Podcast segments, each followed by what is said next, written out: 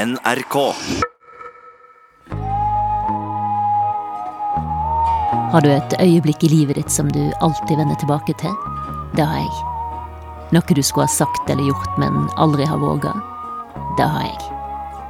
I denne podkasten skal du få møte folk som ser det de aldri før har sagt, og som hopper ut i det de er aller mest redde for. Jeg heter Kari Hestemar, og du hører på Usagt. Episoden du skal få høre nå, handler om Alexander. Alexander ble plaga gjennom hele ungdomsskolen. Klassekameratene pleide å kalle han frøken. Og en dag ble han utfordra til å gå ut i friminuttet med sminke. Faen heller, tenkte han, og tok vågespranget. Det var noen som hadde sagt til meg at åh, Alexander, du er jo så femi, liksom. Uh, var det på at du aldri tør å gå med sminke eller noe sånt? Så jeg, jo, det gjør jeg. Faen heller, det gjør jeg. Og da skulle noen av jentene i klassen sminke meg. Det var en veldig dårlig idé. det var ikke spesielt lurt. Men da, var det noe i meg som bare hadde gått helt i clinch. Men da sa jeg altså ja, nei, gjør meg til en klovn. liksom. Vær så god, maskara, helt greit. alt, og Da smørte de tjukt på. Det var ikke lurt. Jeg visste akkurat hva som kom til å skje. Mm. Og så gikk jeg ut i friminuttet. Midt i storfri.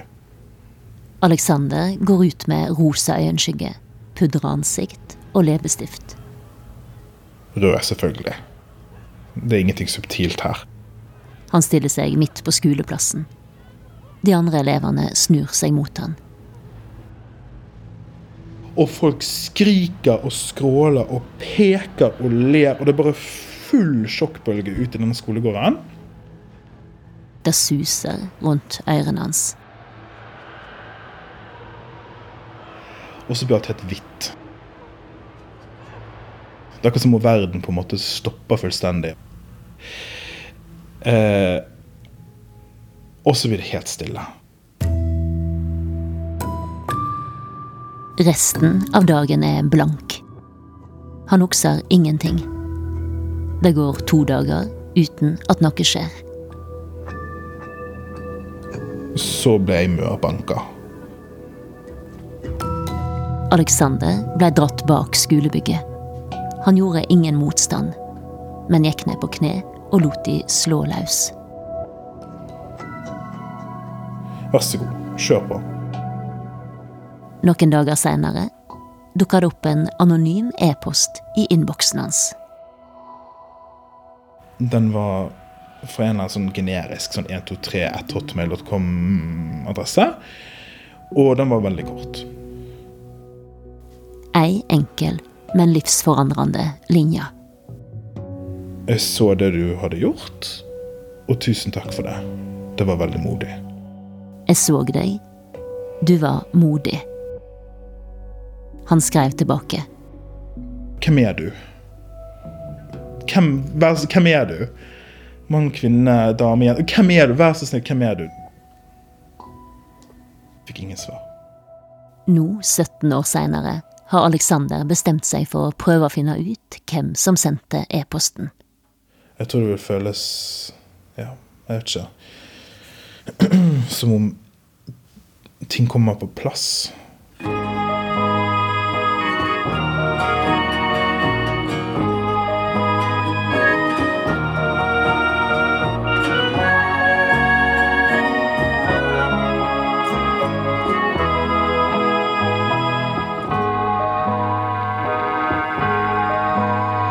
Er en del av meg som har på en måte forsont meg med å ikke vite. Og så lurer jeg på Tenk hvis det bare er liksom sånn Tenk hvis det bare er liksom mamma. Altså, skjønner du? Alexander har bygd en hel mytologi rundt hvem som kan ha sendt e-posten. Er det en annen homofil som har hatt det like kjipt som han? Hvor er du nå? Er du, bor du i en kjellerleilighet og har det veldig vanskelig? Er du professor i kjemi? Altså, hva, hvem er du som person nå? Hva, hvordan var det for deg å være gjennom dette? Han har laga historier om folk som har gått gjennom det samme som han, for å bli mindre aleine. Og han er litt engstelig for hva han skal finne ut på veien. Og om det er liksom bestevennen min som har gjort dette her, og så på en måte bare latt meg ha dette her, så, så er det litt sånn ja ja, ok. Det er ikke uh, det er iallfall en menneskelig relasjon på en måte, og et, en hånd i et øyeblikk der jeg virkelig trengte den. Og det kan ikke man det kan ikke forsvinne eller bli vekke.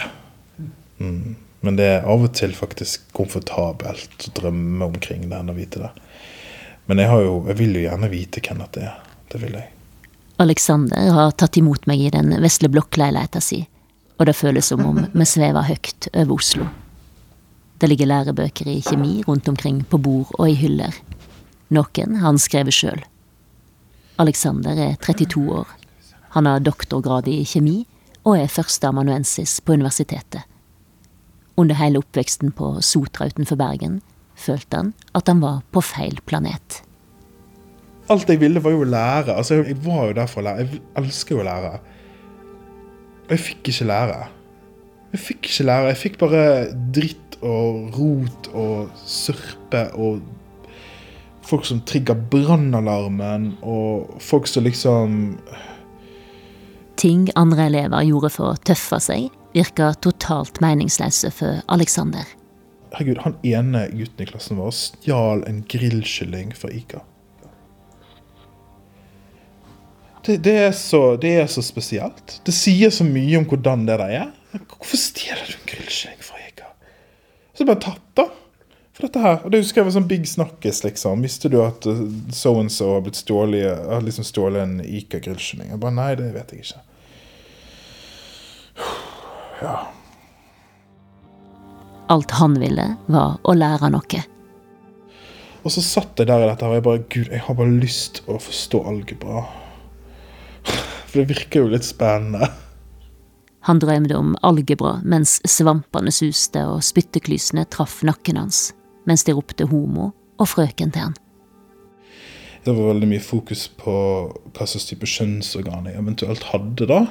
Og så var det mye snakk om at jeg var stygg og dum, og at jeg burde bare holde kjeft. Eh, det var en som sa til meg hver dag at jeg burde hoppe utenfor sotaboen. Det var stadig nye påfunn og måter å plage på. I en kunst- og håndverkstime var det en medelev som prøvde å stikke en pinne med maling opp i rumpa på han.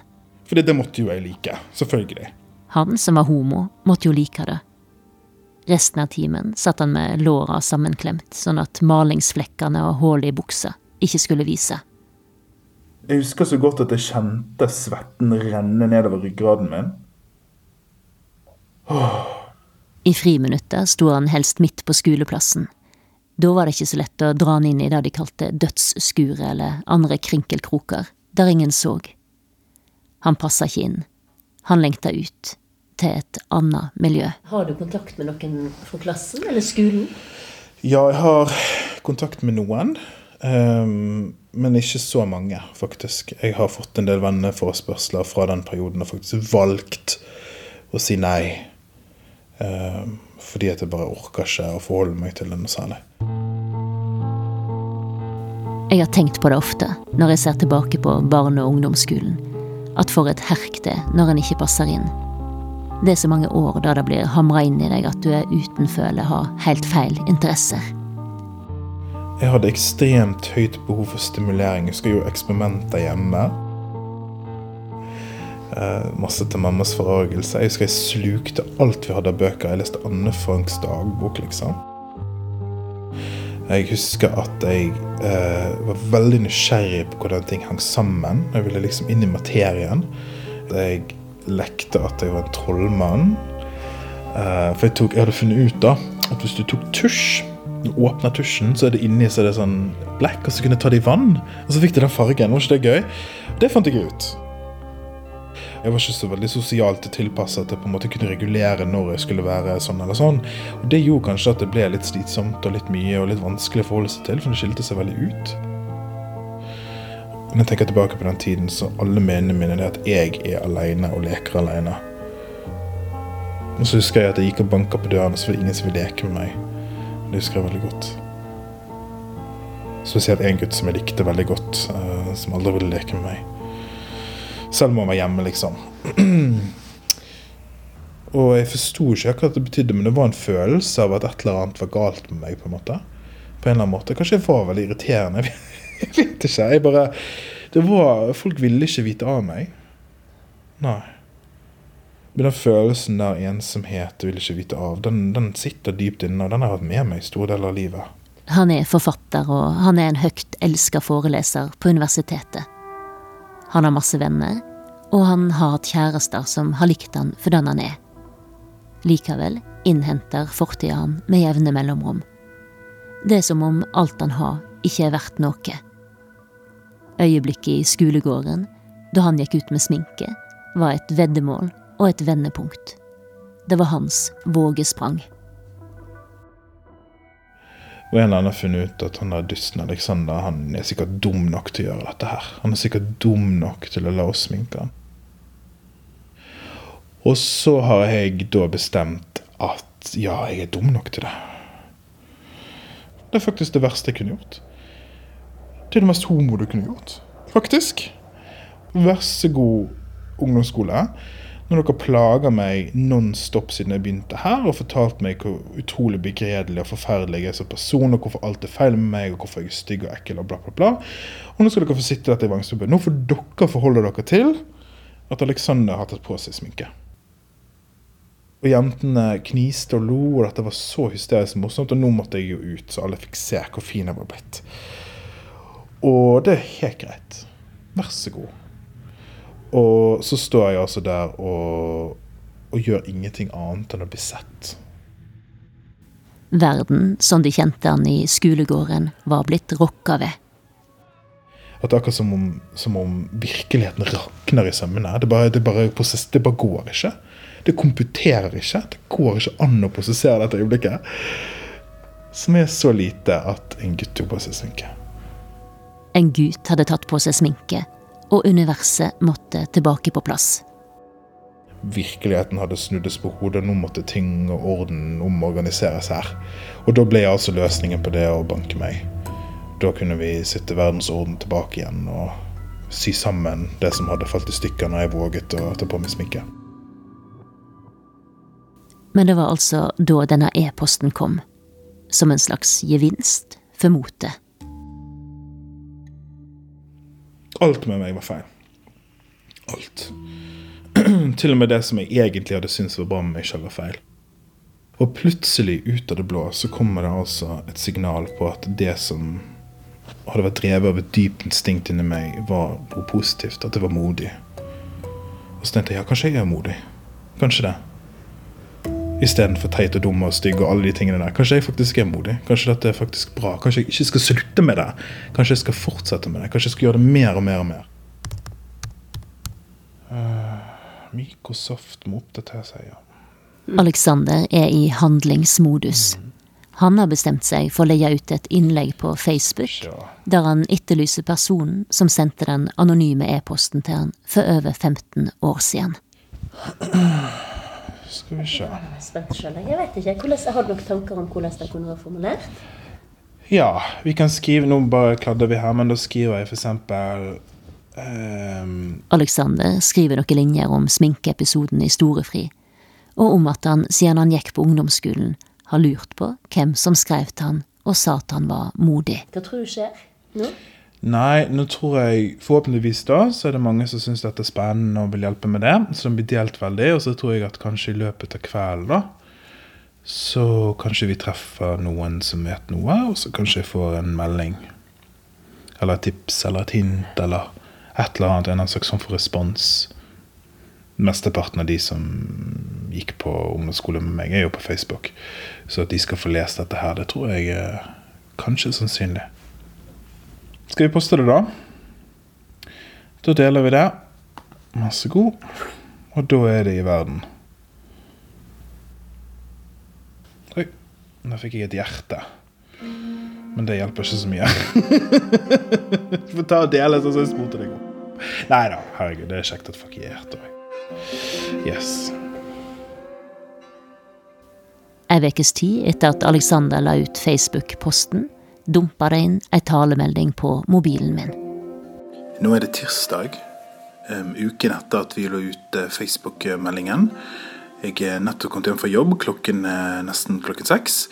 Og jeg har egentlig bare lagt fra meg alle tingene mine i gangen, fordi at um, jeg må sitte meg ned og faktisk uh, tenke litt og snakke litt. Jeg har uh, gått og grunna ekstremt mye på alt mulig rart siden vi la ut den eh, Facebook-meldingen.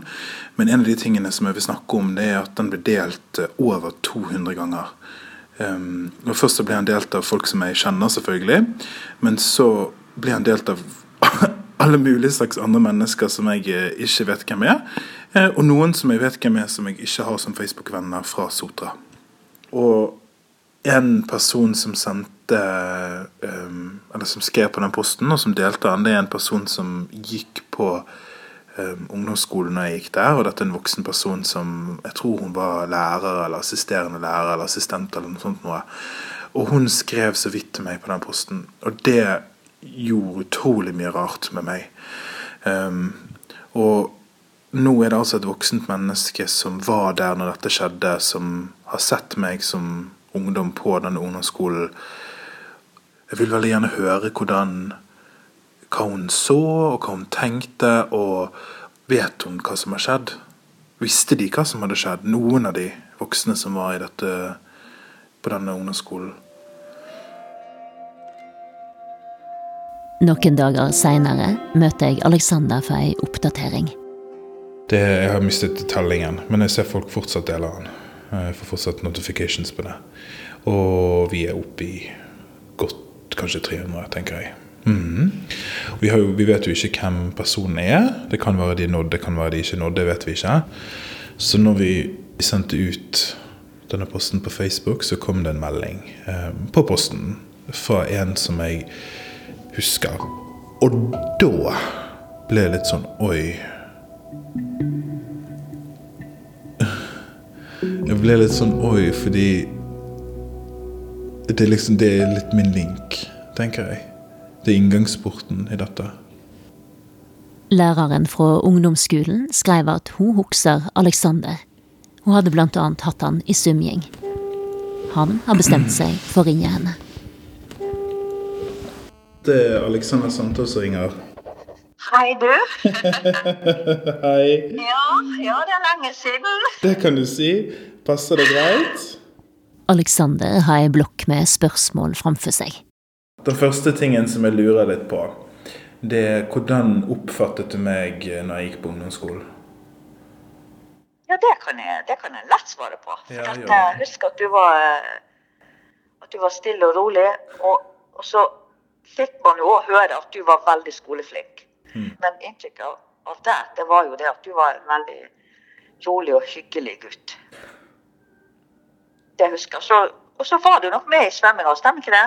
Du deltok i svømming. Um, jo, det tror jeg. Nå, nå sitter jeg egentlig her og griner litt. Å ja, ja, det er helt godt. Skal aldri bli for gammel til det, du.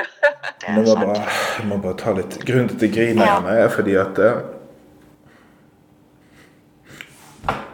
Det blir litt mye. Jeg kan ikke Jeg kan ikke huske at eh,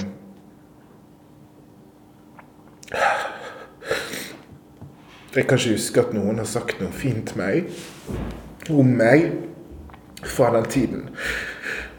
Å ja. Ja, så det var litt Har du, å men har du ikke kontakt med noen Nei. andre ungdommer fra den tida? Nei, jeg har bare kuttet alt, jeg. jeg eh, Ja, du har det. Ja.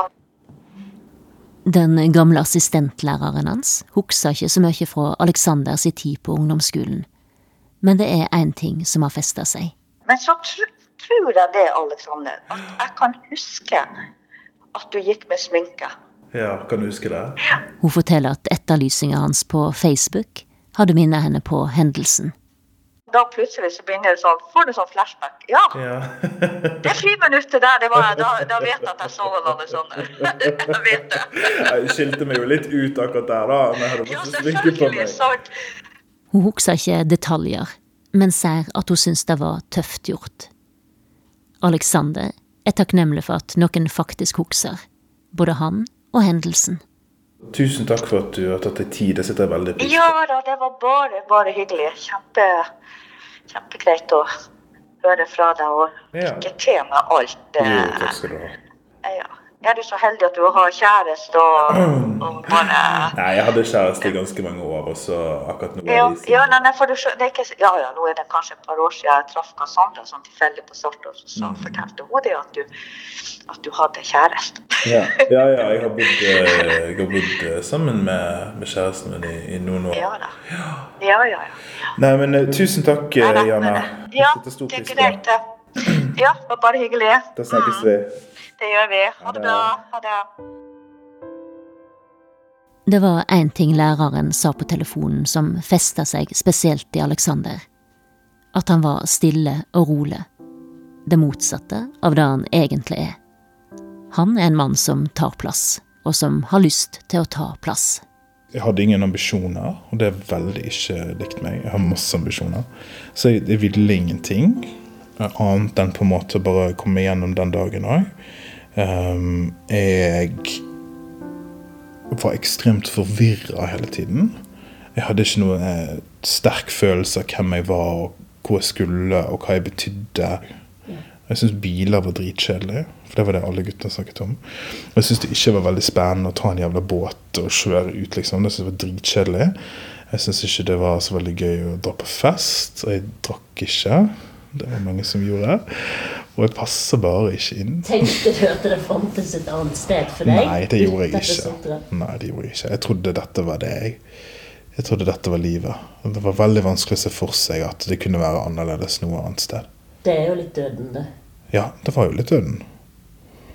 Det var ingen sånn erkjennelse av at ok, det er bare en periode. sånn og sånn. For det er jo noe med ungdomsperspektivet.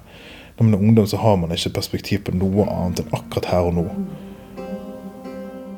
Alexander har fått over 300 delinger på Facebook-innlegget sitt, og han har snakka med læreren som hadde han i svømming på ungdomsskolen, og som husker sminkeopptrinnet. Men han har ikke fått inn konkrete tips om hvem som sendte e-posten. Hvis vi skal prøve å finne ut hvem som skrev til deg, hva muligheter tenker du fins? Altså Det finnes jo og Det finnes mange muligheter. Altså, det finnes aviser, f.eks. Vi har en avis på Sotra som heter Vestnytt. Um, De har skrevet om meg før i andre sammenhenger. Det er en måte å gjøre det på. Sotra er ikke et veldig stort sted, og folk er veldig på snakkesen, så, så det er en mulighet. Vi har ikke nådd denne personen ennå, så vidt vi vet, men det kan være vi har nådd personer de ikke vil si det. Av x antall grunner. Og hvis det er sånn, da kommer vi aldri til å få tak i dem. Um, men jeg er ikke helt overbevist om at det er faktum.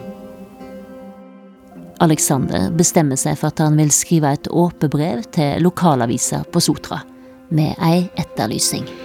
Det, jeg tror hvis vi gjør det, så kommer masse greier til å skje. Det tror jeg. Men du er klar? Ja. Mm. Jeg er klar. Jeg har lært at hvis man er redd for noe, så bør man gjøre det. Det har jeg lært.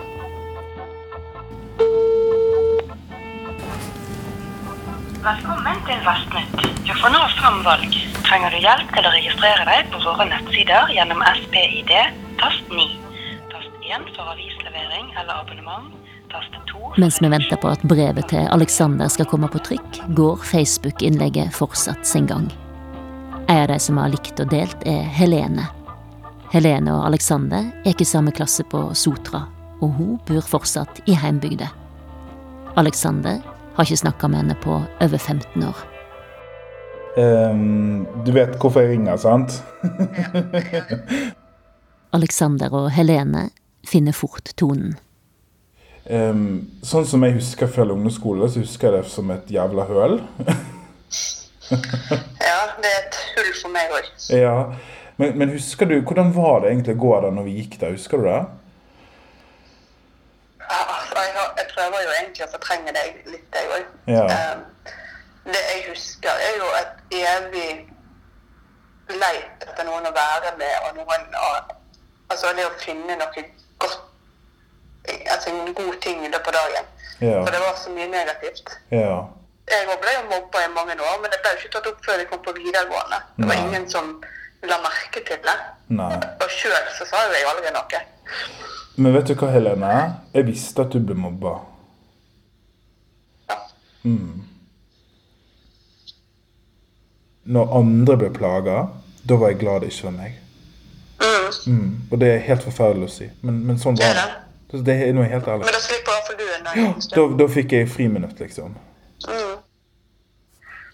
Du har jo ingen sjanse til å gjøre noe for andre, for det, du prøver jo bare å overleve sjøl.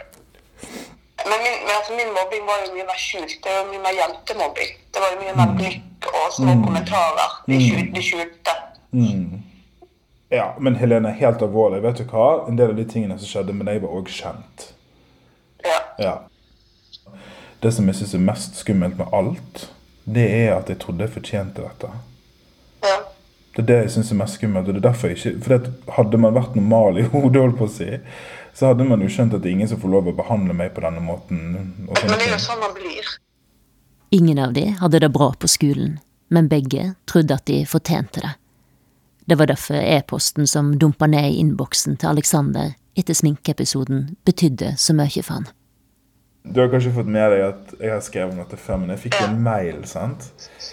Ehm, som, jeg, som jeg fikk ehm, Jeg har prøvd å tenke og lure på hvem det kan være, men jeg har heller ingen idé. Nei. Men det kan være så fante. Det, det er ingen som vet. Men jeg, jeg tenker jo det handler litt om, litt om kulturen rundt her. Ja. Så det er lettere å sende en anonym mail og aldri gjøre det kjent. Ja. For du skal være helt lik alle andre. Det er veldig sotra, altså. Det er veldig sånn det skal være. Men denne personen, hvem nå enn de er det, det kan godt være vi får aldri vite hvem dette er. Det betydde jo utrolig mye for meg. Uh, Men det gjør jo det. ja, og det er sånn Det som betyr veldig mye at noen sier at de har sagt det, og at det Ja. betyr noe for dem. Mm. Alexander og Helene snakker lenge. Hun forteller at hun fortsatt gjemmer seg på kjøpesenteret når hun ser enkelte av elevene fra den gangen. Og hun forteller om ting han hadde lagt lokk på. Som for eksempel at det var en elev som nesten hver time satt og stakk Alexander med en passer, uten at han protesterte. Jeg har aldri snakka med noen som gikk i denne klassen om dette. Og hvis jeg tenker meg veldig mye om, så er det ingen i den klassen som jeg har snakka med på ti år. Jeg har vært kjemperedd for det. Jeg har unngått det som pesten. Og det var jo det som gjorde at jeg ikke hadde så veldig lyst til å ta dette opptaket i dag. For dette ligger jo sterke, sterke følelser. Og masse hull i hukommelsen min som det ble fylt på i dag, da. Bare når vi satt der. Men det er en del av meg som tenker hva hadde skjedd hvis jeg hadde fått lov å være meg sjøl? Hvor hadde jeg vært nå, da? Og det gjør veldig vondt. Fordi det er en slags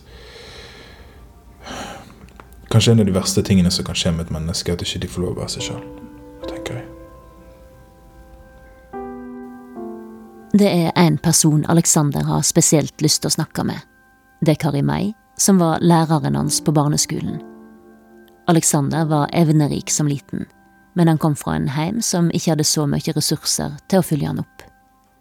Alexander tror Kari May passer på han uten at han egentlig forsto det helt den gangen.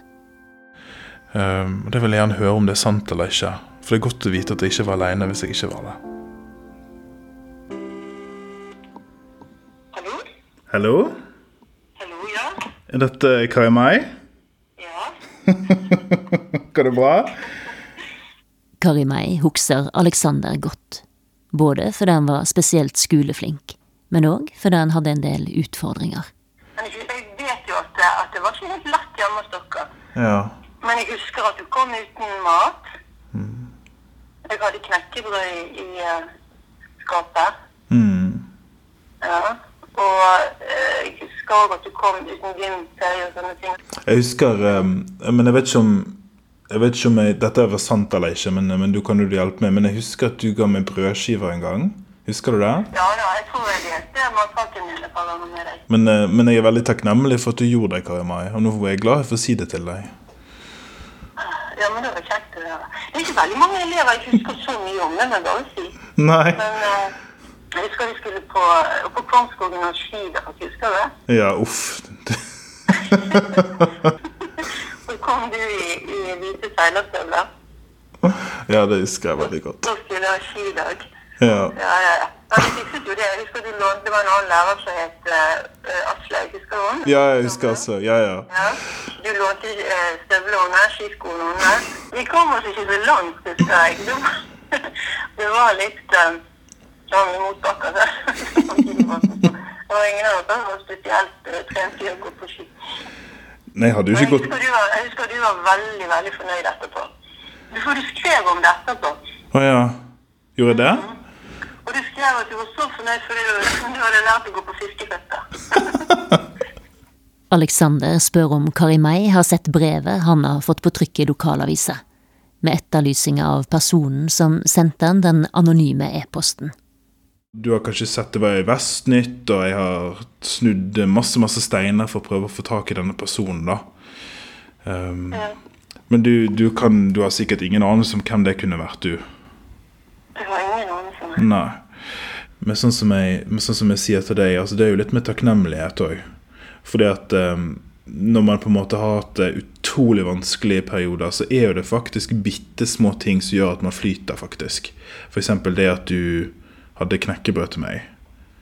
Ja. Og, og det er sånn som med den mailen òg. Det er en liten ting, men det betydde utrolig mye. Det er sånne små, små, små snillheter som faktisk gjør at man holder seg flytende. Og det Ja. Det er de små tingene ofte så Men det er det. er viktige. Det er de bitte små tingene. Ja, de små hverdagstingene. Det er jo hverdagene vi har mest av. Ja, ja det er helt sant. Ja. Jeg er så glad for at eh, at den tiden jeg hadde ansvar for jeg at, at eh, har du opplevde det som, som godt mellom deg og meg, da. Mm. At, eh, for det, det er noe med å, å ha denne jobben her, ikke sant. Og, og for, du føler jo hele tiden at du ikke strekker deg til. Og så er det denne, denne jobben med å få folk til å slutte å være stygge med hverandre. Mm. Jeg syns vi jobber så utrolig mye med det. Jeg synes vi holder på med det hele tiden. Det så jeg liksom ikke at resultatene står i forhold til det. Jeg tror en av grunnene til at jeg ble underviser, er jo nettopp det at jeg vet hva utrolig stor rolle en underviser har i noens liv. Jeg har sett det sjøl. Mm. Og da tenkte jeg at eh, om ingenting så ville jeg benytte anledningen på å si takk til deg. Det var veldig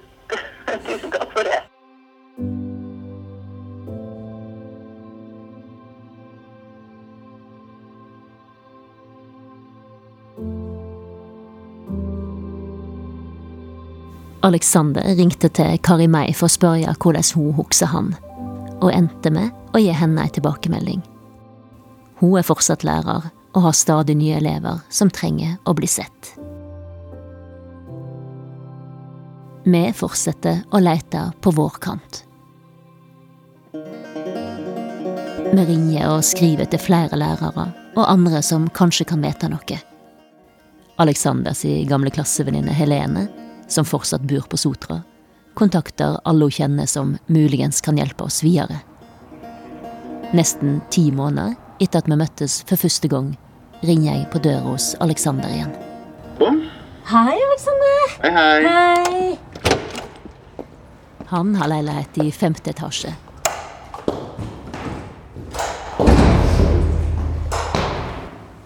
Uten heis.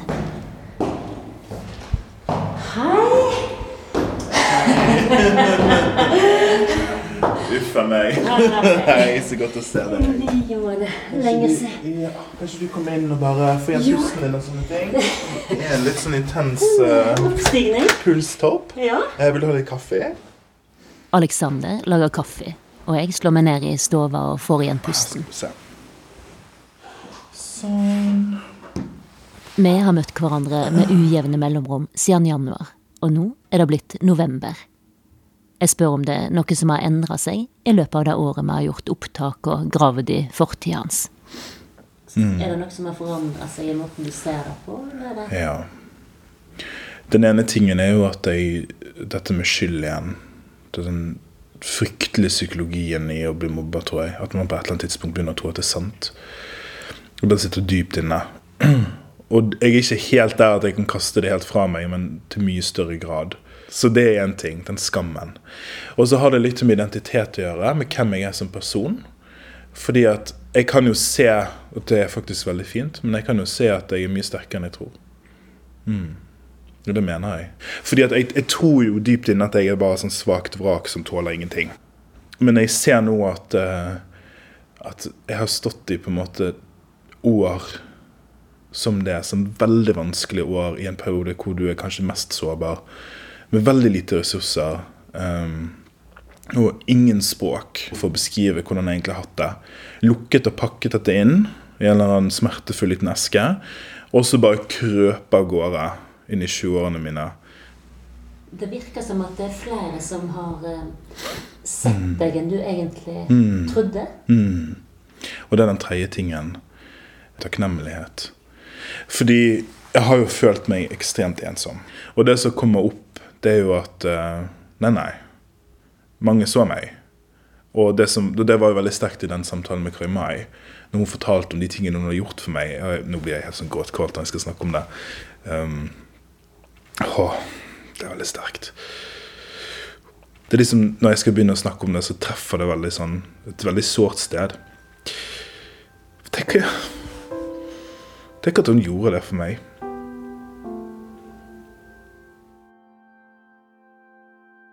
Læreren smurte brødskiver og ordna skisko når han kom i støvler på skidagen.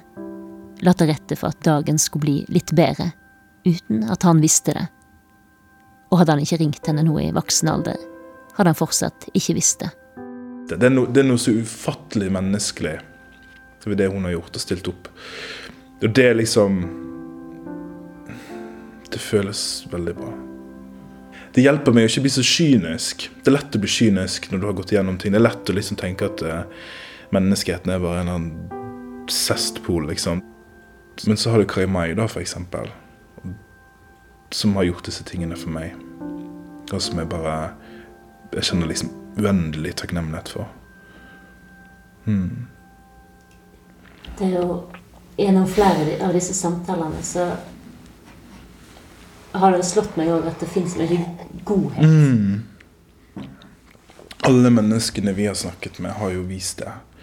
Og det å skape en motbalanse til alle de fæle historiene. For i mitt hode så husker jo jeg bare alle de krisene, alt det fæle. Og nå er det jo en balanse som skjer. Det gjør ikke det at de fæle handlingene nødvendigvis blir bedre, men det gjør at jeg ser bildet med flere farger. Det er ikke så svart alltid. Vi har jo satt halve Sotra i virksomhet for å finne ut hvem som skrev e-posten.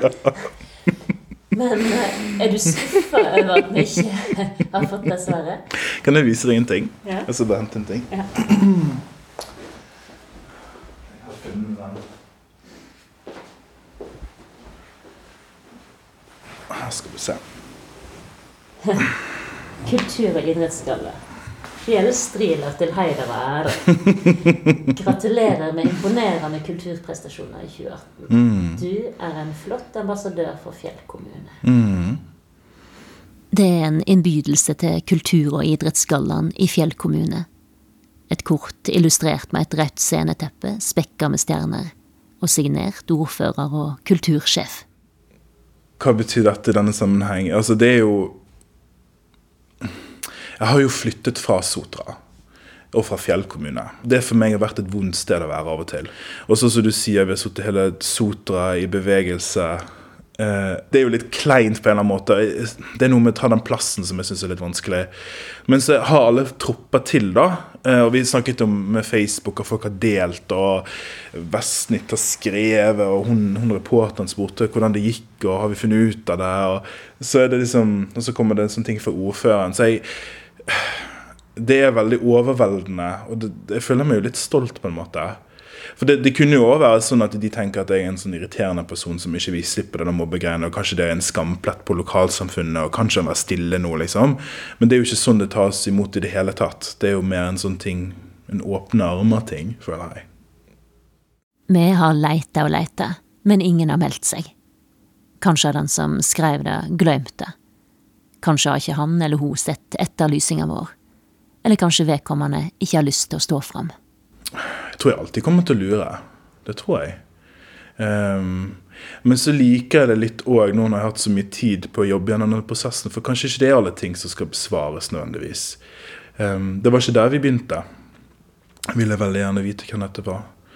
Men nå når hele Sotra er satt i bevegelse, og vi fortsatt ikke vet hvem det er, så kanskje det er faktisk den beste slutten på den historien. Og kanskje det beste signalet òg. Det er at eh, det er de usynlige hjelperne som kanskje gjør mest. Sånn som Kari Mai, og sånn som Helene, og sånn som Jane. Og sånn som denne personen. Når det mørka letter, blir det òg mer plass til lyset. Alexander er nesten aldri på Sotra lenger. Han har ikke orka, men tenker at han kanskje må ta skrittet nå. Det må bare flykte sånn på den måten. Det tror ikke jeg så mye på lenger. Når jeg, når jeg nå tenker på Sota, så tenker jeg ok, de vanskelige tingene, men så husker jeg f.eks. at uh, meg og mamma og søstrene mine har fisket etter torsk langt ute i Øygarden. Uh, jeg husker at jeg sparte 20 kroner så jeg kunne kjøpe smågodt en gang på Coop Ops, hvor jeg endte opp med å jobbe når jeg ble ungdom. Jeg husker noen av vennene mine. Jeg husker eh, at jeg har sittet i skogen alene og diktet opp store verdener. Så det er ikke så håpløst og svart-hvitt heller, nemlig. Så jeg vil gjerne forsone de to tingene litt. Og det må, det må sikkert ta tid, men det må òg kreve at jeg drar tilbake. Hva, tror du, hva ville du sagt til deg sjøl hvis du hadde møtt 15 år gamle Åh, oh. oh, det er så fælt spørsmål. Ah, hva ville jeg sagt? Hva ville jeg sagt? Alexander, 32 år, henter penn og papir, og så begynner han på brevet til Alexander, 15 år. Dette er deg fra framtiden. Akkurat nå føler du deg helt alene. Du vet ikke hvordan du skal si dette til noen. Det tar lang tid før du finner ordene. Men det gjør du. Først vil jeg si at du er mye bedre enn det du selv tror. Lover. Så vil jeg si at du må våge å tro at jeg har rett. Til slutt er det flere som vil deg godt enn det du klarer å se akkurat nå. Det blir ikke lett, men det blir verdt det. Her er noen styrkende ord. De skal du lese midt på natten når du ikke klarer å sove fordi du gråter. Du er kreativ, morsommere enn du tror. Empatisk, lojal, flink med planter, åpen, ironisk på en god måte, varm, engasjerende og til slutt mye sterkere enn du tror. Dette klarer du.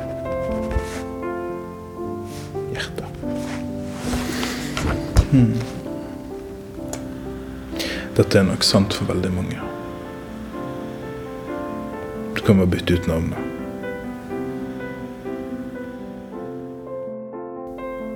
Og her var egentlig denne historien slutt. Han blei til og med publisert. Det gikk ca. tolv timer. Så skjedde det noe.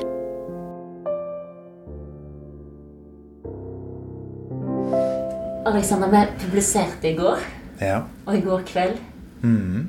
tikka det inn en SMS til deg. Ja, det var en eh, Facebook-melding som kom inn eh, ganske sent på kvelden, klokken ni. Og da hadde jeg hatt en veldig lang dag eh, med masse meldinger som tikka inn overalt, og masse reaksjoner og alt mulig. Ehm, og så lå jeg på sofaen og prøvde å ha litt sånn eh, stilletid. Og da tikka det inn en, eh, en Facebook-melding. Og så var den veldig lang. Veldig, veldig lang. Eh, En person som jeg ikke har snakket med på mange herrens år. men som jeg gikk på samme skole med, på ungdomsskolen. Um, og dette er en person som jeg var forelsket i. Faktisk, husker det veldig godt. Um, som hadde hørt podkasten. Um, og det var jo veldig hyggelig. Og hun skrev altså at det var hun som hadde sendt mail. Det viser seg at det var mor henne som først kontakta Alexander etter artikkelen i lokalavisa. Hun skrev at han var modig, og at hun håpa at han klarte å finne ut hvem som sendte e-posten. Noen uker seinere la datteren Alexander til som venn på Facebook. Og så dukka podkasten opp i hennes feed. Den var snuttartikkel som vi ikke trodde gjorde noen ting. Den har gjort noe. Den har bare gått veldig i ledd rundt omkring. Mm. Hvordan husker du den personen der? Jeg husker hun som en person som jeg så veldig opp til. At hun hadde et hamster, husker jeg. Og jeg husker at eh, jeg tenkte at, at hun på en måte virket som om en utrolig veltilpass person. Som liksom gjorde det utrolig godt på skolen og var veldig vellykka. Og så viser det seg altså at hun ble plaget like galt som meg. Og det gikk et veldig stort lys opp for meg når hun fortalte om det. For det var ikke jeg klar over. Alexander plukker opp mobilen sin og leter fram meldinga han fikk av klassevenninna fra ungdomsskolen. Skal vi se um, Så hun skriver litt om noen av de personene som plaget meg. De plaget òg hun. Og så skriver hun Og de fokuserte mer på andre elever som deg. Jeg har så vondt av det at jeg aldri var tøff nok til å si noe. Jeg er ikke helt sikker, men i dag er ting klarere enn på lenge. Jeg har fortrengt så masse. Jeg husker jeg så deg. Det var ikke midt i skolegården med sminke, var etterpå. Du var i gangen, så ut som om du hadde grått og fjeset ditt var skittent. Smerten i øynene dine sa alt, men jeg sa ingenting. Jeg husker vagt at da jeg skulle sitte på datamaskinen og fylle ut et par ting, at jeg måtte si noe, men jeg visste ikke hva. Og jeg ville ikke bli din nye beste venn, for da ble jeg neste mål. Så idiotisk, så redd for alt. Jeg laget en e-postkonto og sendte en mail til deg. Tok e-posten din fra listen som lå ved siden av. Du er modig. Mye mer modig enn jeg noen gang torde å være. Du turde å være deg selv. Jeg har aldri trodd at den e-posten betydde noen ting, men sjekket aldri innboksen igjen. Bare fortrengte alt for den tiden. Mm. Alexander har grubla og grubla i 15 år. Så kom altså svaret. Fra hun som han likte ekstra godt, og som deler litt av den samme historia, uten at han visste det. Det er et slags brorskap og søsterskap. Det er noe som er delt, og som man ikke forstår at man har delt før man faktisk snakker om det. For alle går bare i stillhet og skammer seg. Så, og det føles veldig godt. Det føles som om alt det fryktelige og vanskelige og vonde har ledet til noe bra. Men fy søren. Tenk at svaret kom. Ja, tenk det. Samme dag. Helt utrolig.